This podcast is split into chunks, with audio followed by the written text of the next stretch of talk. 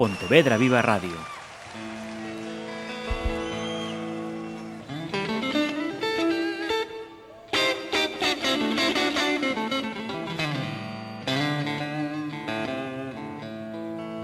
La trastienda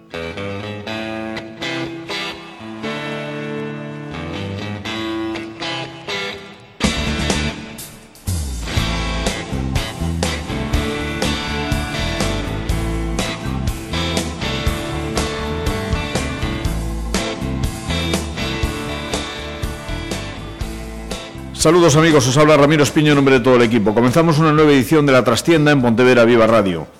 Pintan bastos para el Pontevedra que perdió en el estadio Alfredo Di Stéfano ante el Real Madrid Castilla, lo que le lleva a ocupar puesto de play-out de permanencia.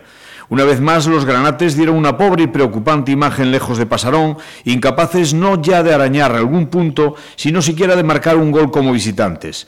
Bien es verdad que en esta ocasión se admiten matices y muy relevantes, como el hecho de un inexistente penalti a favor del filial merengue, que cambia el signo de un partido hasta ese momento igualado, en el que el Pontevedra no pasaba problemas, para a partir de ahí desaparecer del césped y poder incluso ser goleado con más contundencia. Vienen curvas, pero precisamente por ello entiendo que no es el momento de hurgar en la herida, sino de remar todos juntos para intentar evitar un posible naufragio. Aparte de la situación granate, hablemos de cosas más alegres. 450 partidos, bueno, ahora ya uno más y 17 temporadas en Liga Femenina 2 del baloncesto nacional. Contemplan a nuestras invitadas en este programa. Sin duda, hay más personas, pero sin ellas no se entendería lo que es y significa un club como el Arsil, porque a esas temporadas en la élite hay que añadir las que van desde su fundación, un ya lejano 23 de agosto de 1984, es decir, un total de 34 temporadas y siempre con Maite Méndez y Milagro San Martín como pilares imprescindibles. Bienvenidas y enhorabuena por el trabajo realizado y el que seguís haciendo. gracias. Hola, buenas tardes. Bueno, primero lo más inmediato, ¿no? Y lo más inmediato es el partido de este pasado sábado frente a Lañares Rioja, 75-82, se perdió en la prórroga, quinta derrota consecutiva y una sensación, me imagino que amarga, ¿no? Porque fue un partido gafado. Dos lesiones de Chantel Charles y de María Lago, creo recordar. Y Ana Román, que también se tuvo que retirar del partido, con una previsible rotura de fibras. Con un tercer cuarto para olvidar, ¿no? Sí, bueno, eh, estamos siendo quizá poco constantes en lo que es la duración del partido y siempre tenemos un cuarto más o menos de bajón, ¿no? Que no nos ocurre solo a nosotros, o sea, todos los equipos tienen un cuarto más, más bajo, pero es cierto que, bueno, eh, coincidió precisamente con lo que tú estás comentando, las lesiones seguidas además de Chantel en una acción defensiva y en la siguiente ofensiva del Lago, y en ese mismo momento que se retiró el lago teníamos un cambio previsto, pero tuvimos que hacerlo también porque eh, se retiró Ana Román del partido. Con lo cual, bueno, eh, tres mm, jugadoras del 5 inicial, mm, eh, vamos, jugadoras que, de las que cortan el bacalao dentro del partido, y aún así, pues fuimos capaces de remontar, fuimos capaces de ponernos por delante, de coger diferencia, y una pena porque tuvimos la última posesión para, para poder anotar con para el evitar la empatado, para evitar la prórroga, que yo no la quería porque sabía que el equipo estaba cansado y que nos podía costar llegar ahí. Pero bueno, inexplicablemente no jugamos ese balón. Mm, quisimos aguantar tanto la posesión que no jugamos el balón. Sí, porque en la prórroga mm, prácticamente no hubo color, ¿no? 7-14, eh, ellas evidentemente pusieron en juego su mayor acierto desde línea exterior y a vosotros la zona se os atragantó. Sí, aún así, bueno, eh, estuvimos igual ahí en el partido hasta... Nos costó arrancar en la prórroga, pero después remamos otra vez y fuimos capaces de ponernos a seis puntos, pero bueno, nos costó y ya no fuimos capaces de, de, de ganarle. Eh, bueno, ahora cambia, nos cambia bastante la situación Y cambian los objetivos fundamentalmente, ¿no? O sea, lo del playoff queda... Claro, es una pena porque, mmm, bueno, pues hemos hecho de los cuatro partidos que hemos, de los cinco partidos estos últimos, hemos hecho tres partidos muy buenos que se nos han escapado en el último minuto de partido prácticamente, ¿no? O en decisiones finales.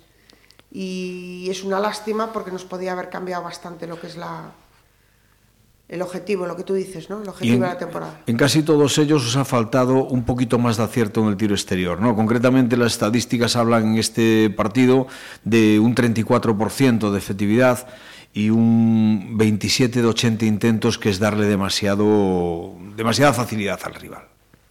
Sí, eh, a ver, somos un equipo que también tenemos una dinámica eh, muy defensiva, de recuperar balones, nos gusta jugar situaciones de superioridad en velocidad eh, y eso lleva consigo, pues, una, eh, probablemente que acarrees más pérdidas de balón que otros equipos, pero también es cierto que más posibilidades de, de anotar, ¿no? O sea, hacemos más tiros a canasta muchas veces. Algunos son, como te digo, en situaciones de superioridad ofensiva, de 2 por 1 o 3 por 2 y es cierto que tenemos buenas finalizadoras que, bueno, eh, en esta fase de la liga no han estado acertadas, ¿no? Y un poco es el resumen de, de lo que ha podido ser y no fue, por lo menos hasta uh -huh. ahora, ¿no? Bueno, a ver, Milagros, al lado de Maite, lo vuestro además es que es una, una pareja de hecho eh, un tanto extraña, ¿no? Entre comillas, porque en el Arsil todo el mundo hace de todo. Evidentemente en el club tú eres la presidenta, y ella es la entrenadora del primer equipo. Pero en el primer equipo ella es la entrenadora y tú eres la segunda. Sí, a, a, ver, a, ¿quién mí, manda? A mí me ha tocado hasta las órdenes. La verdad es que, bueno, eh, llevo todas estas temporadas estando de compañera de ella. A ver, eh, ella es la, la, cabeza visible del equipo, pero bueno, la verdad es que mm, el trabajo siempre es repartido, ¿no? E tampouco é moi fácil ser segunda entrenadora, eh? Que ser entrenadora, segunda entrenadora Tiene que haber unha comunión entre as dos, Tiene que haber comunión, ¿no? eh? porque muchas veces, a ver, hai cosas que que podamos estar ou non de acordo, pero bueno, eh, mi labor é sempre apoyar todas as decisiones e tirar... E casi adivinar lo que ella diría, pero que vas a decir tú. Bueno, no, a veces con discrepancias, ¿no? Pero bueno, es, es apoyar, porque tú sabes que, a ver, cuando las cosas van bien en un equipo, pois todo é moi fácil, pero é moi fácil eh, sacar eh, cosas malas cuando la, la situación es difícil y hemos vivido momentos buenos y momentos malos y la labor de la segunda entrenadora es muy importante ahí, ¿no? Porque tiene que siempre apoyar todo el momento las decisiones del primer la primera entrenadora, ¿no? A ver, te rosma mucho, sí. Maite, te rosma mucho Mila cuando las cosas no van bien en el banquillo. Ya te contestó ella. sí, sí. Somos muy críticas la una con la otra, ¿no? Y por eso, bueno, hemos crecido durante todos estos años. Porque, a ver, no... Y a pesar de ello, soportáis. Sí, sí, evidentemente. pero bueno, es como todo, ¿no? Como la familia, a veces... eh, discrepamos de las cosas, pero bueno, las cosas se hablan en el momento y bueno, estamos las dos para, las tres, que tenemos una compañera más en el, en el banquillo, para, pues para, para tirar del, del equipo adelante, ¿no? Yo estoy viendo una Liga Femenina 2 quizá más igualada que nunca. No sé si decir que nunca, pero sí de los últimos tiempos, ¿no? No sé si para bien o para mal, pero sí que es verdad que ha habido momentos de la liga en los que entre estar en los dos, tres primeros mm. o estar como estáis ahora, casi mirando más a la cola que a la cabeza, había la diferencia era tan pequeña, tan pequeña.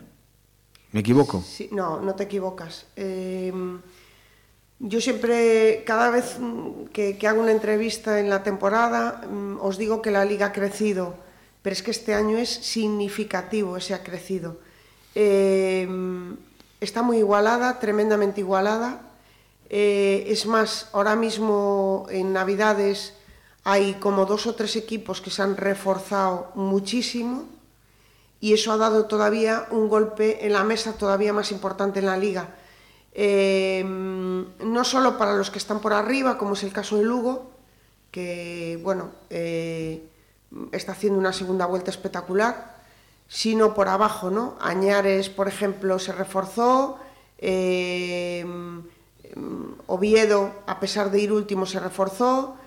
Eh, bueno, hay varios equipos que han hecho además fichajes dentro de lo que podía haber de calidad, porque es cierto que eh, este año a nivel de licencias estamos muy cortos en la competición, o sea, ha habido muy pocas jugadoras para fichar. y, bueno, eso ha hecho que la liga esté tremendamente igualada, que es más, si ves los resultados cada jornada, pues hay dos, tres, cuatro puntos de diferencia en los encuentros. Después hay pues eh, Vizcaya y Lugo que están ahora mismo un poco por encima de los demás, tanto por nivel de juego como por plantillas. Y el resto, pues estamos ahí cortándonos el bacalao entre todos, trabajando todos para evitar entrar en playoff de descenso, ¿no? Sí, porque Celta, por ejemplo, arrancó como un tiro, pero ahora no sé si le han cogido el tranquillo que a mí me sorprende, por ejemplo, que Minata Keita, que es una jugadora diferencial, evidentemente, en esta categoría, últimamente le está costando. Bueno, eh, hay que pensar también que no podemos eh, hacer como una referencia cuando una jugadora está, por ejemplo, en el Arsil y en otros equipos. Eh, ¿Qué quiero decir con esto? Min, Mina para nosotros, Minata para nosotros, o sí, Mina, era la referencia, llamamos, ¿no? era una jugadora eh, de las que sabía que tenía toda la responsabilidad en el equipo. Sí, la sistemática estaba pensada para ella. ¿no? Efectivamente, se trabajaba un poco eh, a nivel de sistemas, a nivel táctico, la buscábamos en muchísimas ocasiones de partido y a ella le ha cambiado completamente el perfil en el equipo en el que está. Es un equipo en el que domina el juego exterior y cuentan con ella, bueno, pues para rebotear y Como para recurso. exactamente, para rebotear o para jugar algún tiro cerca del aro en desdoble y tal, pero realmente el papel protagonista en ese equipo no lo tiene ella. Y en ese sentido, pregunto, ¿eh? al Arsil, desde mi punto de vista, le, le falta quizás la aportación diferencial de un par de buenas jugadoras extranjeras capaces de marcar esas diferencias y que por lo que sea esta temporada no habéis encontrado. Por lo menos no están teniendo esta continuidad, ¿no? Porque Chantel alterna grandísimas actuaciones con partidos en los que pasa desapercibida. Eh, bueno, pues eh, Yelena no acaba, ha tenido un partido sensacional, pero ha sido quizá el único desde que ha llegado. Y, y le falta un poquito, claro, hay que recurrir a gente que son buenas jugadoras, evidentemente, como Cristina Díaz Pacho o lo que sea, pero que no estaban llamadas en principio a ese papel de asumir, de llevarse el, el equipo a la espalda, ¿no? Bueno, eh, nosotros tenemos la suerte de que cada temporada una de las jugadoras eh, que para nosotros son, eh, le llamamos las pequeñas, o la patrulla canina también le llamamos, eh, pues una de esas jugadoras mm, que vienen de autonómica o tal, eh, cada temporada está como destinada una a, a dar el, el gran paso, ¿no? No a dar el paso, sino el gran paso. A decir, aquí estoy yo, que contar conmigo. Este año eh, es Chris, eh, otros años pues ha sido, cuando llegó le costó también Lago, que ahora es un referente en la liga, o Carla Fernández, o todas han tenido su año, ¿no? Eh, no eran jugadoras contrastadas cuando llegaron aquí, eran jugadoras en formación y pues esa formación digamos que se empieza a completar y ellas ya son capaces de asumir y de tener esas lecturas de juego que le permiten destacar en los partidos, ¿no? El otro día hablábamos así tal, bueno, está siendo la temporada de Cris y para nosotros es, es muy importante que ella destaque, que se sienta un referente también, ¿no? Nuestra intención es esa, que todas vayan dando pequeños pasos o grandes pasos en un determinado momento y que se vayan incorporando a lo que es la plantilla en sí de la, de, del Arsil, ¿no? de Liga 2. Pero tengo que darte la razón en que este año eh, hemos tenido una gran Decepción con... Decepción con, con la Tatiana. colombiana, uh -huh. una gran decepción Darly porque Mosquera. era una jugadora que podía eh, haber sido un, un referente en, en, la liga, un poco la dinámica de, de, de Minata en otros, en otros uh -huh. años, las dos temporadas que estuvo aquí, de Diarra en el es momento que además que estuvo con, aquí. con su estatura es que era para marcar efectivamente sí. diferencias, ¿no? Sí. Pero yo la veía un poquito blanda bajo era, tableros. Era ¿eh? blanda porque estaba, ella está muy acostumbrada a ser mm, era la jugadora grande de las competiciones. Entonces no tenía dificultades. Cuando llegó aquí empezó a ver el Sí, juego tenía que sacar codos y- cuerpear de alguna Claro, manera, ¿no? entonces eso mm, le chocó y como que la tuvo descolocada tres o cuatro jornadas no aún así ya, ya hacía eh, un buen papel en los últimos encuentros. Eh, cuando tuvimos que buscar sustituto, mm, pues no había. Entonces nosotros no podíamos afrontar la liga sin una persona más que ayudara en el papel interior de 5 a, a- a Román, ¿no? Y era lo que había. Es una jugadora que tiene buenas lecturas de juego, que llegó en muy malas condiciones físicas, pésimas, pero es una jugadora que tiene muy buena facilidad para integrarse y con unas muy buenas lecturas de juego y buena disposición al trabajo. Entonces eso fue lo que nos animó a que continuara. Eh, es cierto que ella mm, piensa que tiene un papel secundario en el equipo y es un poco el cambio de mentalidad. Claro, probablemente esta jugadora esté en forma los últimos dos partidos de liga o los últimos tres partidos de liga, con lo cual a nosotros no nos habrá servido para, para mucho, ¿no? Pero bueno, es lo que había, o sea, no había otra cosa y nosotros necesitábamos una jugadora. Es que lo, lo del Arsil, la verdad es que es un clásico. ¿eh? Cuando llegan las Navidades, yo me imagino que vosotros, ya desde el punto de vista directivo, responsables de los equipos, debéis estar temblando con las extranjeras. Porque mira que llevamos años con estas circunstancias de Bueno, que no somos se van y desaparecen. A ¿no? ver, muchas veces es por el problema de papeleo. Y papeleo que, que tú al principio te las traes para aquí y resulta que después, a ver, es un poco incongruente. Una, una chica pues llega aquí, eh, le ofrecen un trabajo, pero tiene que volver a su país para recibirlo. Como turista tú puedes ser un asesino, un delincuente, pero para venir a trabajar te piden certificado de penales y eso es lo que nos eh, provoca todo el hándicap después. Van allá, la policía pone muchas trabas en sus países hasta que les dan la documentación correcta, la embajada, y es ese, ese, ese tipo de, de papeleos. Alguna crece mucho y se quiere quedar porque busca nuevos vuelos, pero el problema es eso, y no nos pasa a nosotros solos. Cortegada se le acaba de venir ahora eh, a mí hace muy poquito, la tuvo, estuvo sin ella, ¿no? Y, y bueno, son cosas que a veces no entendemos, jolín, porque... Que lo acusó también Cortega de la bajada de misil. Sí, claro. A ver, porque tú, eh, a ver, lo que nos pasa a nosotros, ¿no? Celta también tuvo a, a que también estuvo más de un mes en su país desde que marchó ahora en Navidades. O sea, son circunstancias con las que no puedes mm, luchar. Es cierto que nosotros nos hemos pla- planteado en muchos momentos hacer una plantilla solo nacional, pero es que no hay jugadoras para, para poder... Y no tenemos... eh, tenemos que pensar también que estamos en Pontevedra, o sea, en Madrid es mucho más fácil, en Barcelona es mucho más fácil, pero bueno, estamos en Pontevedra, en una esquina de España, la gente para venir aquí tiene que tener una motivación del tipo que sea, económica, deportiva. Nosotros, por desgracia, mm, la, situación económica nos condiciona mucho, muchísimo, y es cierto que con nuestra plantilla, cualquiera de estos años, con una jugadora más o dos jugadoras más de calidad, probablemente nuestro papel hubiera sido otro. Muy Sí, diferente. porque a la hora de las rotaciones, este año sobre todo lo habéis notado, ¿no? Ha habido partidos que habéis tenido que afrontar pues prácticamente con siete jugadoras, o sea, cinco en pista y dos más. Sí, la verdad es esa, pero bueno, eh, es lo que nos toca. La verdad, eh, no somos capaces de, de, bueno, ni por presupuesto ni queremos hipotecarnos, ¿no? A veces traer una jugadora, eh, una, una, una ju- jugadora referente puede hipotecar todo la, la historia y el- de- de- del equipo y si no funciona todavía más, ¿no? Entonces, bueno, nosotros eh, estamos trayendo los últimos años y bueno, eh, los- las jugadoras quieren venir aquí, las jugadoras jóvenes, porque somos como un colchón para ellas. Vienen, aprenden un montón de cosas y después siempre mejoran su contrato. Y eso es bueno para nosotros. Lo que pasa que, bueno, eh, hasta que consigas que alguna jugadora se quede, como fue hace años Tatiana eh, Kessler, que estuvo aquí por seis temporadas, entonces es en el momento que tú sacas beneficio de- de- del trabajo realizado, ¿no? Pero bueno, es lo que nos toca y a ver, poquito a poco pues vamos... Estamos en una situación también eh, a nivel social en el deporte compleja, en el sentido de que mm, eh, todos queremos, nuestra expectativa es a corto plazo, no a largo plazo. Queremos resultados y los queremos ya, como jugador, me refiero, como jugadora.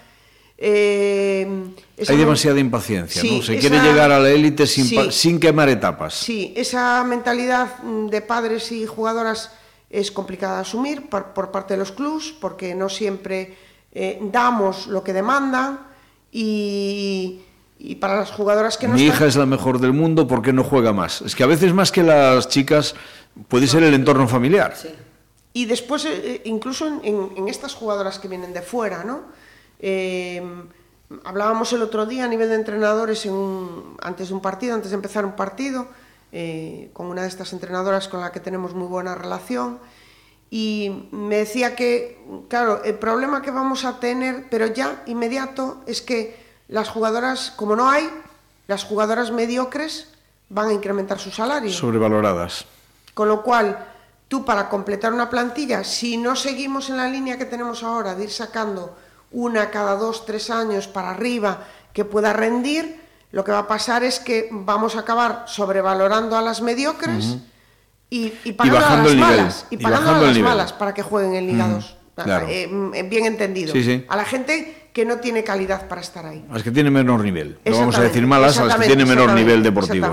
Se me escapó y no es una palabra que suelo utilizar. Entonces, es eso. eh, bueno, eh, realmente nos falta ese empujón de tener un respaldo detrás que diga, pues podemos fichar, como ha pasado ahora con Lugo Arrantrí, que es una jugadora que estaba en Liga 1, que se operó de la rodilla a principios de esta temporada, eh, que estaba en recuperación, ellas no la podían fichar, y es una jugadora que podría haber estado en el equipo con un resultado, un, un rendimiento, perdón, eh, impresionante, pero nosotros no podremos acceder, al traer a dos, no podremos acceder nunca a una jugadora de ese tipo. Sí, porque, a ver, Arsil, evidentemente vosotros desde que estáis estos 17 años en Liga Femenina 2, habéis jugado tres mm, playoffs de, de ascenso e incluso habéis tenido una oferta mm, oficial de la Federación Española con la posibilidad de incorporarse en Liga Femenina, en la máxima categoría del baloncesto. Pero la cabeza fría pesó bastante más que el corazón, ¿no? Bueno, pues mira, lo decidieron, lo decidimos, bueno, eh, todos un poco, pero las jugadoras las primeras, ¿no? Para nosotros el gran hándicap nuestro es no poder entrenar como profesionales, porque la mayoría de los, eh, de los equipos de nuestra competición entrenan como profesionales. Nosotras, ya empezando por nosotras, tenemos nuestro trabajo por las mañanas, pero ellas también, unas estudian, otras trabajan. Y cuando se nos dio la opción de entrar en Liga 2, hombre, para todos era quién no quería estar en Liga 2, en Liga, Liga 1, femenina, sí. En Liga Femenina, yo la primera y Maite. Pero bueno, ellas dijeron que bueno, si lo hubiesen conseguido, fue el año de la fase de ascenso de Lugo, y dijeron, si lo hubiésemos conseguido nosotras, pues bueno, lo hubiésemos intentado. Es como más bonito, ¿no? Sí, conseguirlo en pero- pista, no en el despacho. Pero eh, nosotros tenemos nuestro trabajo, estamos jugando en una liga competitiva, eh, nos lo pasamos bien, estamos aquí, pues, ¿Por qué vamos a arriesgarnos a salir en una competición en la que hay que competir durante la semana? Y a lo mejor hipotecar el futuro y, del club. claro, porque ellas lo tienen claro. A ver, ellas eh, tenemos jugadores profesionales, otras que son amateurs que cobran muy poquito porque no podemos pagar. O sea, nosotras no cobramos, llevamos 17 años en esta competición sin cobrar un duro. Ellas saben, porque mira, nuestra capitana se retira este año, lleva 16 temporadas con nosotros Y no es nuestra, muchos dirán no es nuestra, pero sí es nuestra porque lleva 16 años aquí y se queda, se queda con nosotros 16 años. ¿no?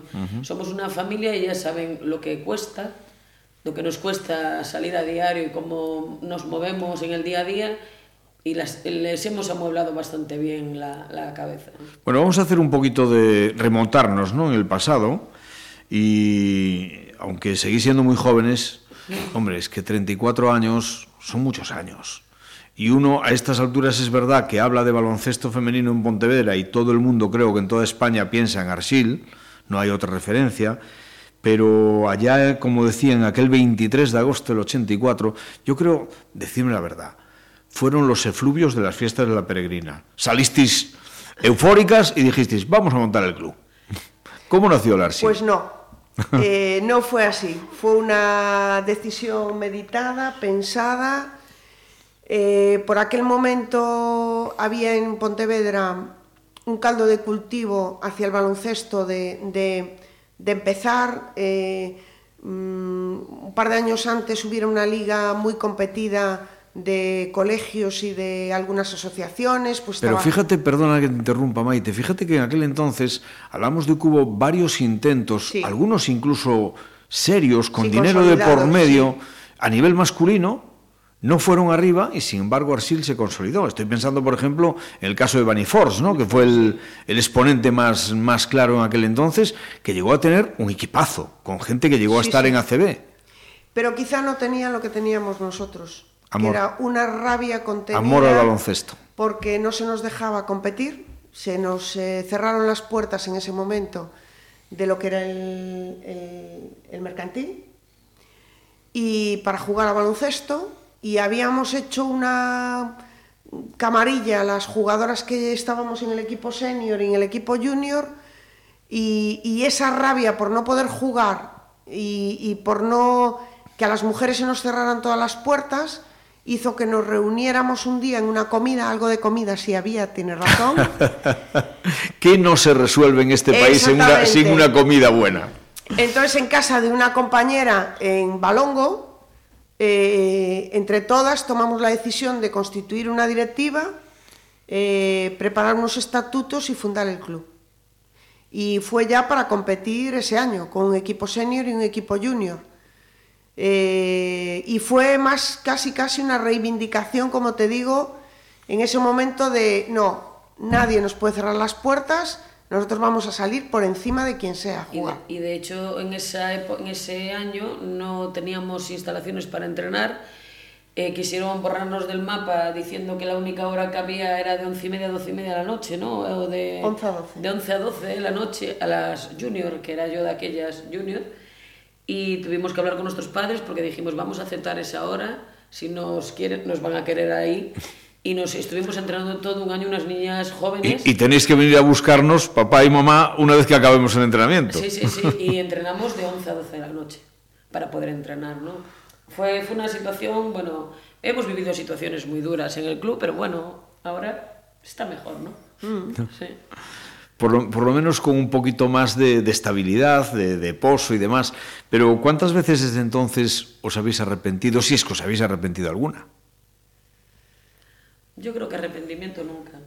A ver, el baloncesto nos.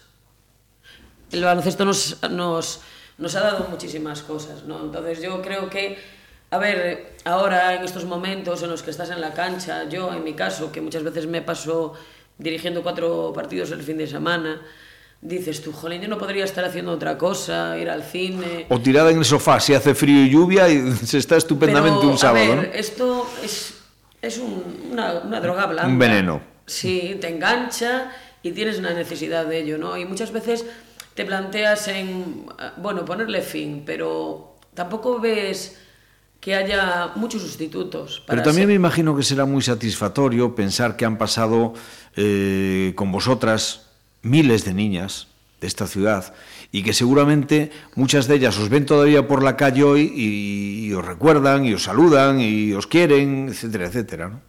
Sí, claro. Es que eso, es lo, lo- lo bonito de esto, ¿no? El, el- la, bueno, es que somos una gran familia verde, es que de repente aparecen niñas ahora o mamás que vienen a traer a sus niñas y vienen aquí porque Y que ellas ya jugaron en el Arsil. Sí, pero bueno, sin más, mira, te diré que, un- por decirte a una, Candy Navarro, que fue una jugadora pues que jugó en la élite y, y... Que salió de aquí. Y que salió de aquí, ¿no? Ha estado, después de haber estado aquí, ha estado jugando profesional fuera de aquí, ha estado en Salamanca, en est- en. Ondarribia, en un mogollón de sitios más. Y cuando vio que Ondarribia, su club en el que militó los últimos años, desa- desaparecía, se vino aquí y nos dijo, "Necesi- os necesito chicas, yo quiero fundar un club como el Arsil, porque es el club que realmente quiero, en el que quiero que jueguen mis hijos y quiero darle continuidad. Y ha fundado un club igual que el nuestro, porque saben lo que es esto, es una familia en la que nos ayudamos, en la que compartimos buenos momentos y malos, pero bueno, es más que deporte. Es que fíjate que yo os veo eh, cuando empiezan los partidos, ¿no? Y no es fácil, no es fácil, y menos tal como está ahora mismo la sociedad en general, ¿no? Conseguir, pues, que alguien, eh, porque lo normal es ir a lo cómodo. Es decir, no, es que las chicas, incluso las de Liga Femenina 2, antes de empezar el partido, tienen que ir a acarrear los soportes de las canastas, a instalarlas, a ponerlas y demás, cuando lo lógico en muchos otros deportes es decir, bueno, a mí que me lo den todo hecho, que yo salgo con mis zapatillitas de deporte, con mi material deportivo a ser posible de lo mejor, y a jugar y cuando termino me voy. Y esto aquí evidentemente no pasa, aquí todo el mundo tiene que hacer desde llevar el agua hasta lo que haga falta, ¿no? Bueno, es inherente un poco al club, ¿no? Ellas saben que hay una serie de eventos durante el año o que hay una serie de situaciones que tenemos que solventar y las tenemos que solventar todas. Eh, mm, está claro que nosotros si tuviéramos probablemente gente en plantilla o en la directiva que hiciera ese trabajo, pues no lo harían ellas, pero eh, aquí llevamos haciéndolo toda la vida. Pero tampoco se sentiría el club igual, ¿eh? creo. Mm. No lo sé, no lo sé, no te lo puedo decir porque no Yo lo he creo que vivido. no, creo que, Entonces, que sería una falta de implicación. No, no, para mí, desde mi punto de vista, no es lo mismo. Lo Ellas bonito- saben que se le hace partícipes de las cosas buenas, pero también de las malas. O sea, cuando hay dificultades las pasamos todas y cuando hay bonanza y hay alegrías, pues un poco las vivimos todas. Yo no sé si viste la foto que me hicieron el otro día que salió en prensa, pero mm, la foto no estaba yo sola. Detrás estaban ellas. Sí, sí, es que es, Es es así. lo, lo lógico y lo bonito, evidentemente. Corregirme si mis datos no son correctos. 12 equipos tiene el Arsil y la escuela. ¿Es así? No, somos 10 ca- 16. Pues entonces tenéis que actualizar la web, ¿eh? Sí, Mira, O sea, os voy a tirar de las orejas. Porque ahí aparecen solo 12. Son, somos eh, dos equipos senior, un junior, eh, dos cadetes, bueno, puede ser, espera. Tres infantiles. Tres infantiles, eh, tres minibásquet y tres benjamines. Somos 15. Bueno, pues repito, hay que actualizar los Sí, datos de la web, que aparecen benjamines 12 no más la escuela. Sí, porque la Pero en escuela cualquier- son los benjamines Ajá. que no estaban, que son tres. En cualquier Entonces son caso- 12 más la escuela. Entonces es correcto, 12 y Sí, la escuela. sí. Bien. Eh, ¿Cuántas jugadoras? Así a grandes rasgos. Alrededor de 230 y algo debemos de ser en estos momentos. O sea, ya es, ya es complicado, ¿eh? Es Mover a tanta gente. Sí, es complicado. Bueno, son muchas horas ¿eh? detrás. A veces no solo lo que se ve, sino lo que no se ve, ¿no? Y el silencio. También es muy importante el silencio. Habla. A veces el silencio habla. Exactamente. Entonces, eh, son muchas horas detrás que atesoramos además muy poca gente con una carga eh, importante. ¿Y con qué presupuesto? Ahora mismo estaremos alrededor de Es que no, realmente no lo sé. 50.000 euros. ¿Qué dices? ¿Para todo? No llegamos. No, Maite, no. Ciento y pico. Ciento y- perdón, perdón. Casi Estamos 180 hablando mil de- euros. ¿Ves, ves? Ahí, ahí sí se notan las Sí, diferencias sí. entre la técnica y la lo lleva, presidenta. efectivamente. No, lo que pasa es que, bueno, tantas cosas, no, sí, es mucho dinero, pero No bueno. estaba pensando, fíjate, estaba pensando ahora mismo no en euros.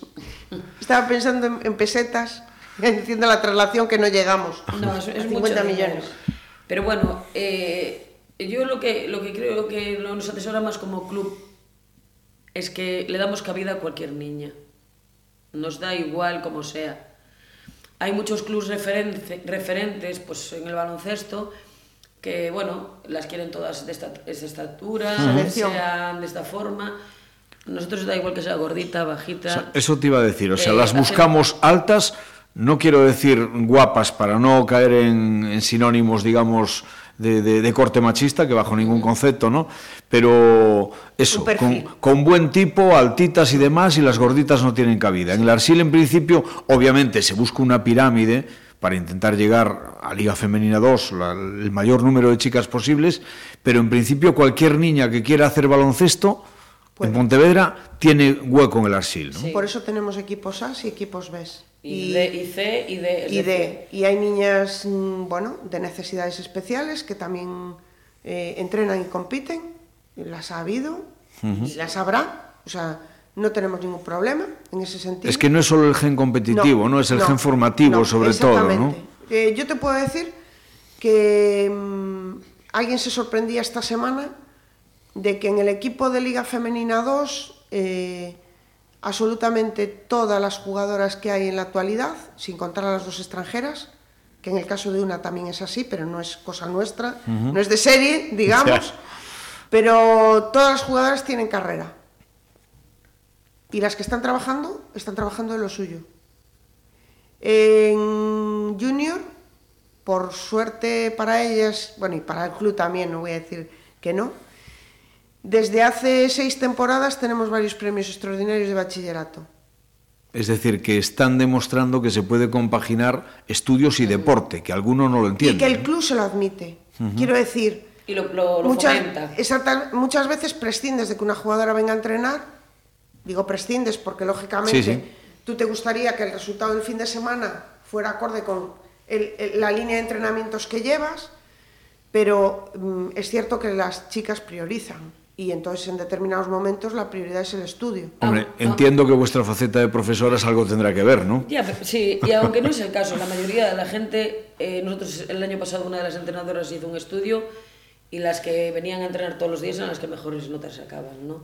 que nosotros creemos que, que el deporte les da eh, organización. Disciplina y organización. Disciplina, lo que quieren es, es venir a entrenar y tienen que hacer sus cosas para venir a entrenar. Y, y, bueno. Es que eh, yo, verdad, cuando algún padre castiga a sus hijos con no te dejo ir a entrenar porque has sacado mala nota, me parece que no tienen idea. Hmm. Es no. que los estudios no dicen eso, ¿eh? ¿Verdad que no? No, no. Al contrario. Mm, eh, es lo que está diciendo San. Tenemos yo creo que un, otra suerte y es que mm, la mayor, bueno, ahora mismo todos los entrenadores que están en el club eh, han formado parte del club en otras facetas. Uh -huh. Entonces, eh, como ya lo mamaron desde abajo, o sea, ellas saben perfectamente lo que buscamos en, en cada equipo, ¿no? Es cierto que, por supuesto, hay que ponderar siempre eh, lo que es la, la parte Sí, sí, claro. académica, la parte deportiva. Nuestro fin y nuestra meta sigue siendo eh, sacar jugadoras para arriba, pero claro, si en una eh, generación junior tienes tres jugadoras que te van a Gerona porque van a hacer una doble ingeniería porque son pues de media de nueve, Claro. adelante, ¿qué y- le vas a decir? Y orgullosos es de tu que- futuro. Orgullosos de que lo hagan. Nosotros no nos hartamos de decir cuando tenemos reuniones con los padres, por eso que hablabas tú antes de que a veces que los padres son los que mi hijo va a ser profesional, quiero que sea lo que no fui yo, pero nosotros tenemos claro que a profesionales o a la élite llegan cuatro. Muy pocos. Y los demás lo único que tienen que labrar su futuro, vivir una vida sana, conocer amigos y disfrutar del deporte como, como forma de vida, ¿no? Entonces, bueno, pues a lo mejor por eso no crecemos y no estamos en, en la Liga 1, porque vivimos el deporte de otra forma. Pero a lo mejor por eso sois tan grandes. Puede ser. Sin Nosotros nos sentimos orgullosos que no de es, hacerlo así. No es sinónimo el crecer de ser grandes. ¿eh? Ya. Yo lo digo porque, a ver, ahora mismo, por ejemplo, pues tenéis jugadoras que yo creo que son un ejemplo para cualquier niña que quiera practicar un deporte, el que sea, en este caso el baloncesto, ¿no? Y pienso, pues, por ejemplo, en el caso de Arancha Mayou, que es una chica que, que está haciendo un doctorado, que no está haciendo una carrera fácil precisamente y que sin embargo es capaz de estar ahí, de competir al máximo nivel y de seguir manteniendo su actividad formativa desde el punto de vista personal. Yo creo que eso tiene que servir también de ejemplo para todas las que vienen detrás, ¿no? Sí, eh, como te decía, o sea, mm, la gente no se esta semana no se creía que, pues eso, tenemos dos fisioterapeutas, una médico en, en potencia, eh, profesoras, eh, una chica licenciada en audiovisuales que está trabajando en lo de ella, eh, ciclo superior de administración y empresas, mm, o sea, es que no podemos pedir más. Y eso también yo creo que es la grandeza de las personas que vienen al club. ¿En qué, ¿A qué me refiero? Pues que su cabeza tiene que estar bien compartimentada para ser capaz de distribuir su tiempo en lo que es su carrera o su trabajo, la parte deportiva, la gestión de las emociones durante el fin de semana, volver a levantarte en esta situación en la que estamos ahora para poder entrenar durante toda la semana y, poder aportar al equipo lo que, lo que tienes, ¿no? que es lo que nos interesa.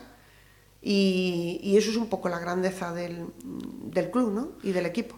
Bueno, pues camino de los 34 años de vida, eh, en lo que se refiere al primer equipo, evidentemente, hay que intentar cambiar el chip y, y mirar de reojo hacia abajo porque hay que evitar los play-out de permanencia. ¿no?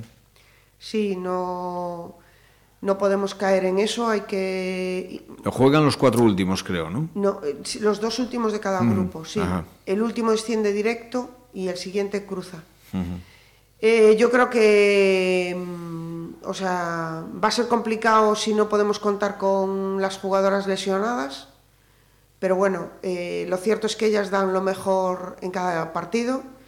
Eh, tenemos algún partido muy complicado de los seis que nos quedan, pero bueno, hay que intentar cuanto antes sumar. par de victorias quizá hacen falta, ¿no?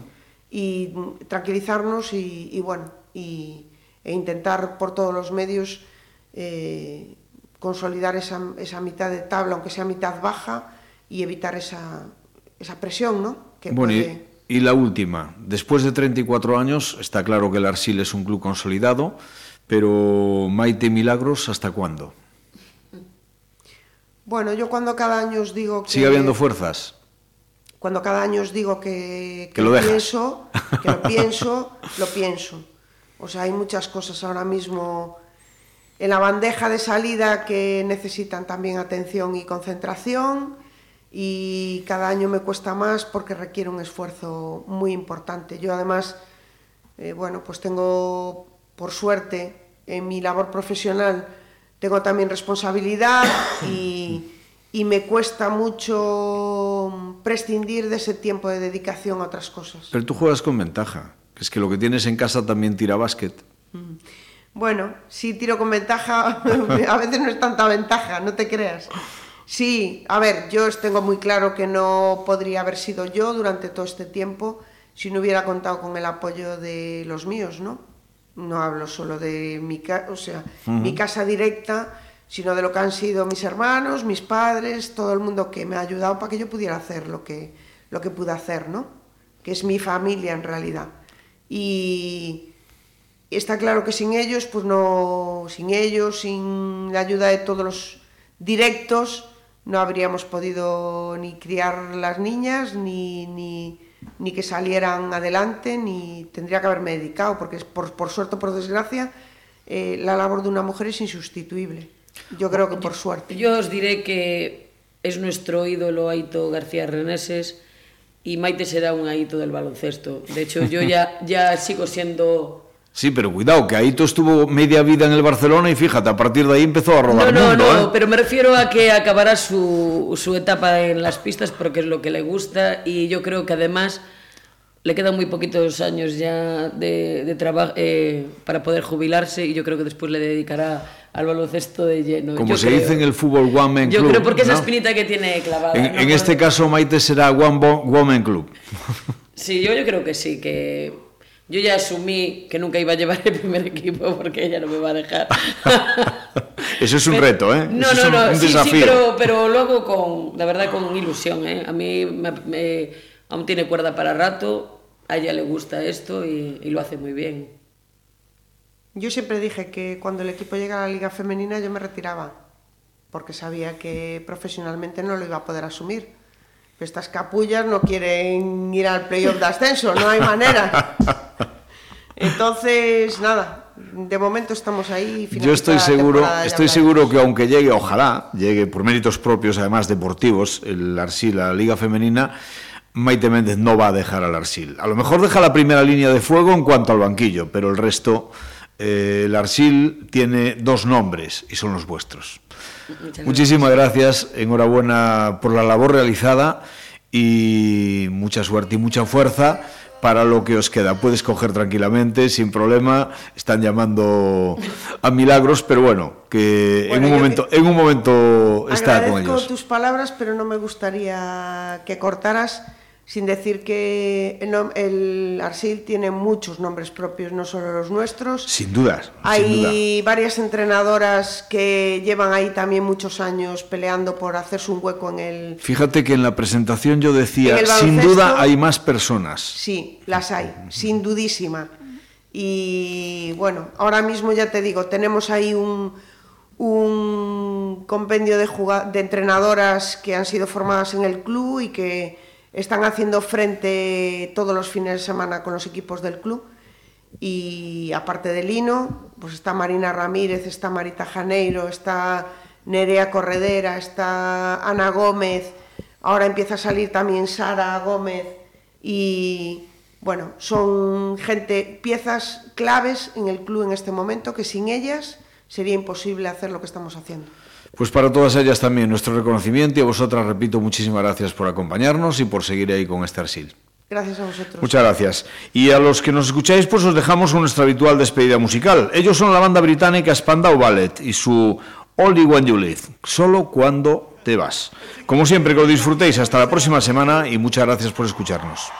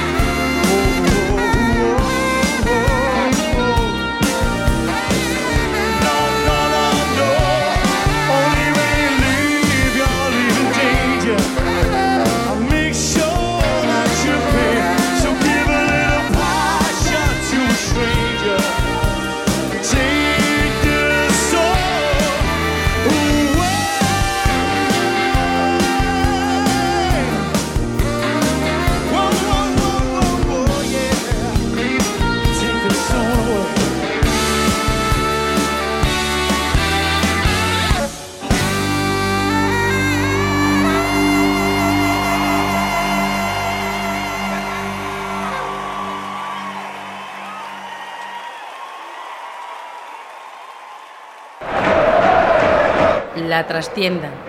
Pontevedra Viva Radio.